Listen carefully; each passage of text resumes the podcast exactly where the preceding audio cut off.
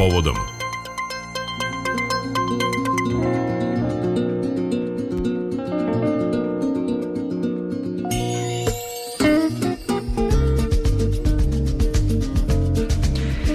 Nacionalna služba za zapošljavanje raspisala je 13 javnih poziva, odnosno konkursa za poslodavce i nezaposlene. Za ove namene planirano je izdvajanje oko 6,3 milijarde dinara i 550 miliona dinara za osobe sa invaliditetom. U aktivnu politiku zapošljavanja uključio se i grad Novi Sad izdvajanjem 203 miliona dinara koje kategorije nezaposlenih je obuhvaćena konkursima i koji programi su najatraktivniji? Samo su neka od pitanja za našu gošću, Đurđinu Mačak, portparolku Nacionalne službe za zapošljavanje filijale u Novom Sadu. Đurđina, dobar dan, dobrodošli. Dobar dan, bolje vas našla. Za konkursima Nacionalne službe za zapošljavanje svake godine vlada veliko interesovanje i ono dolazi i od strane poslodavaca i od strane nezaposlenih. O kakvim konkursima je reč? Tako je, kao što ste vi rekli, veliko interesovanje vlada za ovim konkursima, to jest programima za finansijsku podršku mm. kako poslodavcima, tako i nezaposlenima na našoj evidenciji. Dakle, aktivna politika zapošljavanja se realizuje kroz ove programe godinama uh, unazad i to su uvijek negde početkom godine su ti uh, programi koji su željno, željno isčekuju. Tako da evo raspisali smo ih 20. februara sad u ponedeljak ove godine. One će imati različiti rok trajanja. Ja ću napomenuti za svaki konkurs koliko će koji trajati, mislim da je bitno za, za slušaoce mm -hmm. koji nameravaju da konkurišu, da znaju ovaj, da vode računa i o tim rokovima. Što se tiče samih konkursa, to je programa koji su. Težište ovih programa će biti na tome kao i svake godine da se pruži podrška podsticanju zapošljavanja teže zapošljivih kategorija na otvorenom tržištu rada. Dakle, onih kategorije čiji je položaj na otvorenom tržištu rada nepovoljniji u odnosu na opštu populaciju, da tako kažemo, i tu spadaju prvenstveno mladi do 30 godina koji nemaju radnog iskustva. Znate ono kako kada se konkuriše za posao, pa vam svi nekako negde traže tih jednu do dve, tri godine mm -hmm. radnog iskustva da imate, a vi, vi ih nemate. E, tako da e, Težište će biti dakle na mladima, zatim na osobama starijim od 50 godina, zatim na licima koja su dugoročno nezaposlena, dakle oni koji ne mogu da nađu, nemaju posao već duže od 12 meseci, dakle koji se nalaze godinu dana na našoj evidenciji, zatim konkursi koji su namenjeni mogu da učestvuju osobe romske populacije, osobe koje su aktivni, radno aktivni korisnici socijalne novčane pomoći, osobe koje su u statusu tehnološkog viška, ali ćemo veoma veliku pažnju pokloniti posticanju zapošljavanja kroz ove programe i mladima iz domskog smeštaja, institucionalnog smeštaja u hraniteljskim porodicama, kao i žrtvama nasilja. Da, spomenuli smo e, 13 konkursa ili javnih poziva, sad da ih sve ne nabrajamo, ali negde usmereni su i ka obukama e, na zahtev poslodavaca, zatim obuke za potrebe poslodavca, e, sa pripravništvo za nezaposlene, za one koji žele sami da se zaposle, odnosno samo zapošljavanje. Dakle, ukupno 13 i moje sledeće pitanje je koji su ovi programi kao jeli, aktivna mera e, za suzbijanje nezaposlenih e, najpopularniji koji se pokazao najefikasniji? Velika, veliko interesovanje -hmm. svake godine, mogu reći da je to naš najpopularniji program od ovih svih koje ste da. naveli, to je program za posticanje preduzetništva, to je subvencija za samozapošljavanje koju mi dodeljujemo svake godine nezaposlenima sa naše evidencije koji imaju želju da pokrenu sobstveni mali biznis i da na taj način reše pitanje svoje nezaposlenosti, da reše problem nezaposlenosti. I svake godine, recimo prošle prošle godine je tu bilo oko 600 zahteva podneto ovaj, za, za ove konkurse. Očekujemo već je krenulo veliko interesovanje čim je konkurs e, raspisan. Počele su da pristižu prijave. Ono što je bitno napomenuti za taj program, evo da se malo bliže upoznamo sa njim, e, Nacionalna služba za zapošljavanje dodeljuje 300.000 dinara jednokratno i bespovratno e, onima koji dobiju, to je dobitnicima subvencije. Dakle, da razjasnimo, to je novac koji oni ne moraju da pravdaju.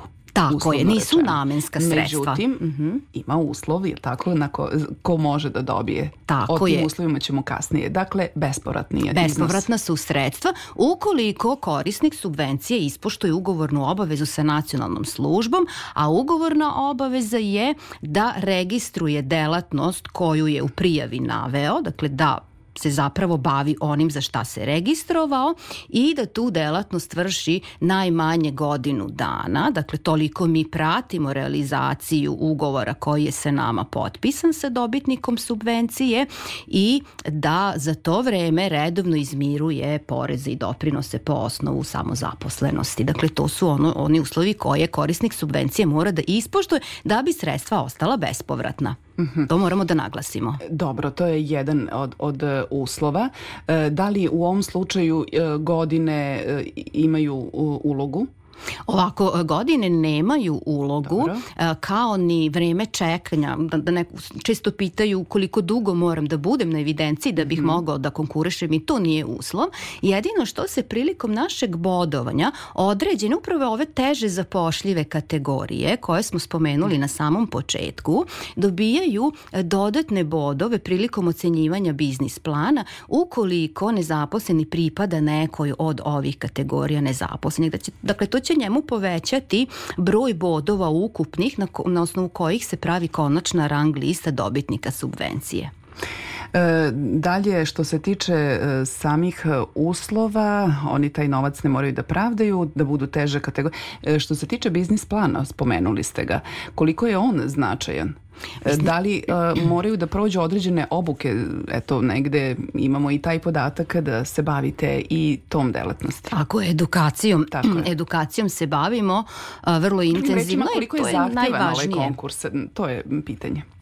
Zahtevan je u smislu da uh, oni koji žele da konkurišu obavezni su, to smo postavili kao obavezan uslov, da moraju da se edukuju o samom preduzetništvu na neki način, baš zato da bi rezultati, uh, rezultati koje mi očekujemo i koji nam je cilj budu dobri, dakle da ti dobitnici subvencija i opstaju u poslu, uh, dakle da se oni upoznaju sa pravnim, ekonomskim, tehničkim aspektima aspektima preduzetništva i sa samim uh, planiranjem i razvojem biznis ideje koju imaju i u suštini to je ovaj, da znaju onda tako da napišu uh, dobar biznis plan i to je upravo postoji naša obuka koja se zove uh, put do uspešnog preduzetnika na kojoj polaznici uče o svim ovim stvarima koje sam malo prespomenula. Ona je dvodnevna i ona je uslov za konkurisanje za ove subvencije. Dakle, oni koji žele da konkurišu, napomena je da prvo moraju u nacionalnoj službi za zapošljavanje e, proći kroz ovu obuku dvodnevno put do uspešnog preduzetnika, s tim što napomenula bih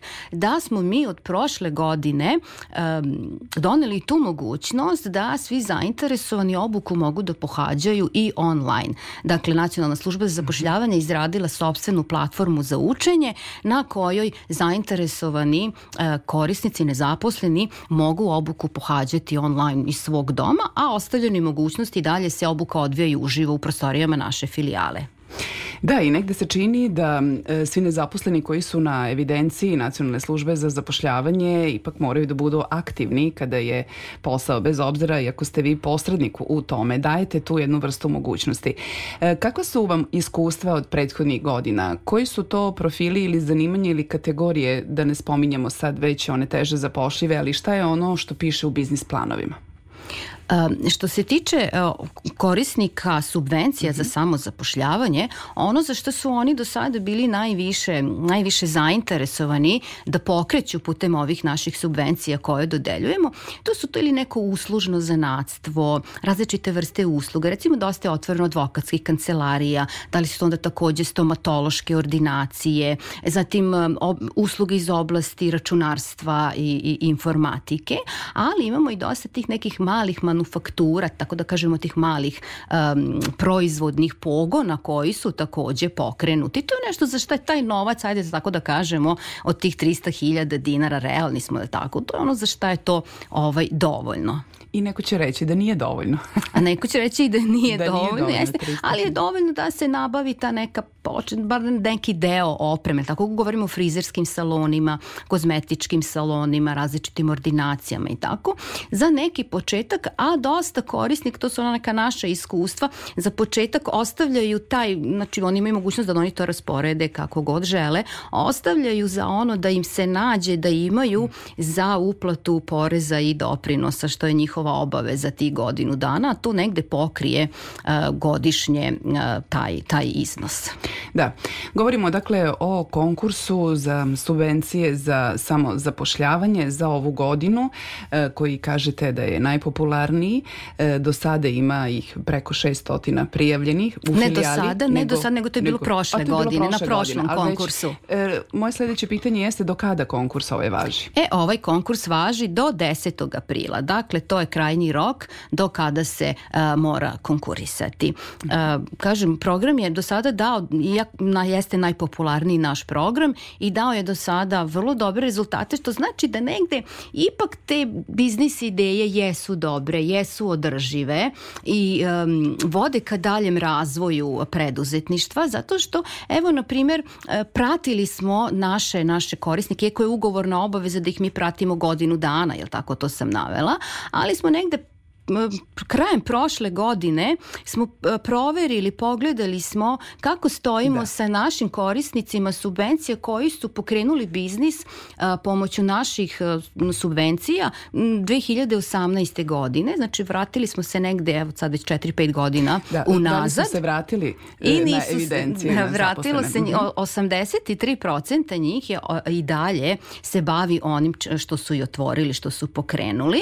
A ono što bih želela da napomenem ono što je nama dragoceno, da se jedan deo tih preduzetnika nakon godinu, dve dana vraća nama kao naš, ali kao naši korisnici usluga u vidu poslodavaca, a ne nezaposlenih. E, moje sledeće pitanje. da, -hmm. ne nezaposlenih, nego kao poslodavci postaju naši klijenti gde upravo onda koriste i ove naše druge podsticajne mere za zapošljavanje novih radnika. E, pričali smo onima koji su na evidenciji e, za nezaposlene, nacionalne službe za zapošljavanje, međutim e, brojnik konkursa i, ima i za poslodavce. Šta je ono što biste izdvojili? Koja mera u ovom slučaju je opet najpopularnija i koja daje benefite jednima i drugima. E vidite ovako, upravo za sve ove, rekli smo da ima 13 javnih poziva, samo na javni poziv o samozapošljavanju ko, kojem smo malo prepričali konkurišu direktno nezaposlena lica. Za sve ostale javne pozive konkurišu poslodavci i na osnovu njihovih prijava mi onda upućujemo u te programe, uključujemo lica sa naše uh, evidencije. Ali i inicijativa potiče od poslodavaca. Mhm. Dakle, oni su ti koji konkurišu za uh, ove programe. Uh, vrlo je popularan program kod poslodavaca, uh, program stručne prakse i pripravnika za mlade. Dakle, vidimo ipak da žele da im pruže šansu kroz ove programe, dakle, početnicima da steknu uh, svoje prve korake, da naprave prve korake na, na tržištu rada. I recimo, kada govorimo o programu stručne prakse, to je program koji omogućuje omogućava mladima, znate, u nekim profesijama imate onaj nužni uslov da posle određenog staža polažete stručni ispit i to ovaj program omogućava mladima i m, program sam po sebi ne podrazumeva zasnivanje radnog odnosa kod poslodavca nakon isteka stručne prakse, ali se nama pokazalo da negde oko 60% mladih po završetku svog staža svoje prakse kod poslodavaca i zasnivaju radni radni odnos, dakle ostaju na tom radnom mestu, tako da i po tom pitanju smatramo da su to dobri rezultati. Zatim program pripravnika koji podrazumeva baš i zasnivanje odmah, odmah radnog odnosa, dakle pripravništva, to su vrlo popularni programi i ono što bih naglasila sve je teže naći kvalifikovane, obučene radnike na tržištu rada sa nekim specifičnim znanjima i veštinama koje poslodavcima trebaju i upravo zbog toga je vrlo popularan kod poslodavaca ovaj naš program obuka na zahtev poslodavca. On podrazumeva da poslodavci, ukoliko mi na našoj evidenciji nemamo osobe koje posjeduju ta neka specifična znanja i veštine koje su poslodavcima potrebne u njegovoj firmi, e, mi ćemo mu obezbediti kandidate koje će on jedno vreme obučavati tim specifičnostima njegovog posla, a potom tražimo da sa tim kandidatima koje su bila na obuci zasnuje radni odnos. A dok vrši obuku sa kandidatima, mi ćemo to finansijski podržati. Na šta mislim? Mislim na to, na primjer, mi na evidenciji imamo šivače Jel tako? Postoje šivači na evidenciji. Međutim, poslodavac recimo ima pogon, ima firmu u kojoj radi e, šivenje za auto sedišta. I sad to je jedna specifična vrsta posla. Dakle, poseban je taj šav koji treba napraviti. Posebne su mašine na kojima se to radi i mi na evidenciji nemamo radnika sa takvom vrstom iskustva. Dakle, nemaju takva znanja i veštine. Onda mi upućujemo ta lica kod poslodavca gde ih on jedno vreme obučava da rade na tim takvim konkretnim poslovima poslovima, nakon čega oni ostaju, dobijaju posao u toj firmi. Da. I negde se pretpostavlja da je, je neophodna i zainteresovanost nezaposlenog da bude da u se toj uključi, vrsti. Da se uključi u tu vrstu programa. Tu, tako, tu vrstu. tako je. Da, spomenuli ste uspešnost samog programa i ovo je m, tradicija, da kažemo svake godine negde se izdvoji određena uh, sredstva za uh, pospešavanje zapošljivosti, ali uh, međutim, kako biste ocenili koliko je ono e, na našem tržištu uspešno kada su ovi konkursi e, u pitanju. E, možemo da krenemo evo i od analize samog tržišta e, rada, pa za početak koliko je ono smanjilo broj nezaposlenih e, ovde kod nas u Novom Sadu, ako imate podatak. Ovako, trenutno je na evidenciji e, u Novom Sadu je 11,5 hiljada nezaposlenih i broj smo smanjili za protekli godinu dana za nekih 11 procenata, ali mogu da ako se osvrnemo i ne znam, desetak godina unazad, nezaposlenost je go, iz godine u godinu se smanjivala, tako da ona sada recimo duplo je manja nego što je bila uh, pre nekih desetak godina. Uh, u takvoj situaciji mogu da kažemo jeste prvenstveno otvaranje m, više poslovnih privrednih subjekata u Novom Sadu. Mm -hmm. Pogotovo ako govorimo o Novom Sadu, on se posmatra kao IT centar u celoj Srbiji, pa mogu da kažem i u regionu. Dosta se, po toj posljedice otvaranja novih radnih mesta, ali tome jeste doprinelo i doprinele su i ove naše mere. Ako se osvrnemo na to da svake godine upravo putem ovakvih programa oko 1000, 1100 do 200 nezaposlenih dobije svoj posao na ovaj način. Bilo putem samozapošljavanja, bilo zapošljavanjem direktno kod poslodavaca. Tako da to su neki efekti koje se svake godine um, mogu videti i analizirati, a osim toga tu nam je pomoć i pokrajine i grada koji takođe e, aktivno učestvuju u podsticanju zapošljavanja. Kada kažemo analiza tržišta rada, u ovom trenutku koje zanimanja su u deficitu? Uh mhm. -huh. Šta bismo mogli da kažemo? Lista je sve duža i duža. Ili koji su oni koji najduže su na evidenciji nezaposlenih? Ono što naši pokazatelji pokazuju, dakle na osnovu stanja na, na našoj evidenciji, e, najdeficitarniji su, dakle e, veća je potražnja za njima nego što je ponuda kadrova na tržištu, tako definišemo deficitarnost, Dobro. da, e, su e, zanatska zanimanja bih prva izdvojila, jer se tu ogleda izrazita deficitarnost u pojedinim oblastima, posebno u oblasti građevinarstva. I evo recimo baš jedan podatak koji je meni ovako ostao kao upečatljiv um, da smo mi protekle godine imali zahteve od strane poslodavaca za zapošljavanje 236 čini mi se zavarivača, a tokom cijele godine kad smo uzeli kumulativno koliko smo ih imali na evidenciji te godine, bilo ih je 24. Onda vidimo koji je to raskorak u ponudi i potražnje, recimo baš konkretno da. sam izdvojila ovo zanimanje, ali vrlo je slična situacija i sa tesarima, armiračima, zidarima, molerima, električarima, vodoinstalaterima, ali sve više i sve teže je pronaći i radnike u gostiteljstvu. Dakle, recimo, roštilj majstori, pizza majstori, kuvari, pa čak, boga mi, konobari e, se ovaj, teško pronalaze poslednjih nekoliko godina, da tako kažemo. Zatim vozači, mhm. vozači teretnjaka i to je nešto sad kako su naši privrednici počeli da rešavaju ovaj problem, to je primetno je sve, primetan je sve veći uvoz radne snage iz inostranstva na ovim ovakvim poslovima. A oni koji najteže, najteže dolaze do posla, to jest najduže su na našoj evidenciji, to su ona zanimanja za kojima postepeno prestaje potreba. Dakle, privredi nisu potrebni, ne traže ih poslodavci. Napred danas više niko ne traži daktilografe, pomoćne daktilografe, zatim slabo traže i upravno-pravne tehničare, zatim tkače i, i te vrste, hemijsko-tehnološki tehničari takođe i takođe ona zanimanja e, za kojima, da kažemo, postoji potražnja, potražnja postoji, ali ona manja nego što je broj lica na našoj evidenciji, nego što je ponuda na tržištu. Takvi su maturanti gimnazije, ekonomski tehničari, pravnici, ekonomisti, e, recimo učitelji takođe i ta neka zanimanja druga iz oblasti uh, društvenih nauka, filozofi, politikolozi, istoričari.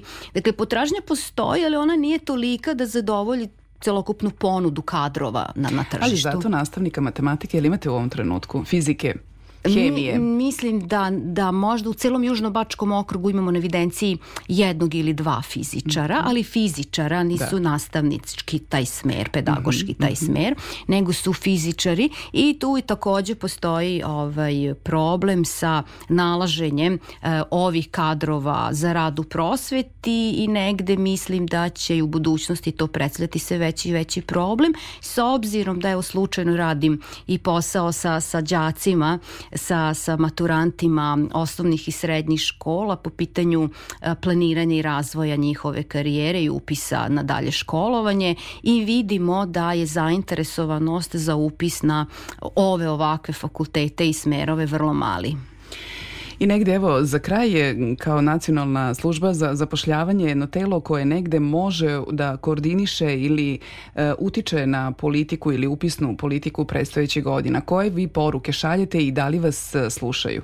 upravo mhm. kada je potražnja i ponuda profila, odnosno zanimanja u pitanju. Kako izgledaju ti razgovori i ovako mi zaista uh, posjedujemo dakle najveću mm -hmm. bazu, najveća baza nezaposlenih u, u državi upravo u evidenciji nacionalne službe za zapošljavanje. Zatim imamo podatke o potražnji na tržištu da. rada putem prijava poslodavaca koje dobijamo uh, tokom godine i mi razmenjujemo te naše informacije i podatke sa relevantnim institucijama koje se bave upisnom politikom planiranja obrazovnog sistema u narednim godinama u našoj zemlji. Tako da se sastanci redovno e, održavaju i naši podaci se, to uzmi koliko je moguće, otvaraju se, vidite, novi smerovi po srednjim stručnim školama e, u Novom Sadu. Tako da e, obrazovni sistem mislim da zaista se trudi koliko može da isprati ove sve promene na tržištu rada, ali su one, verujte, veoma, veoma brze. Tako da je to negde i teško zaista ovaj, ispratiti, a promene će, mislim da će biti sve brže i brže. Vidite sad ovo što se dešava sa veštačkom inteligencijom, da. koliko se ovaj poslednjih dana priča o tom, vidjet ćemo sve šta će nam to u budućnosti doneti. Sigurno će doneti velike promene. U svakom slučaju želim vam uspeha da nas što manje ima na evidenciji nezaposlenih, a nekako verujem da ćemo ispratiti sve promene u društvu i nova zanimanja. Potrud, moramo da. se potruditi. Hvala vam najlepše na gostovanju. Hvala i vama. Bila je ovo portparolka Nacionalne službe za zapošljavanje u filijali Novi Sada, Đurđina Mačak.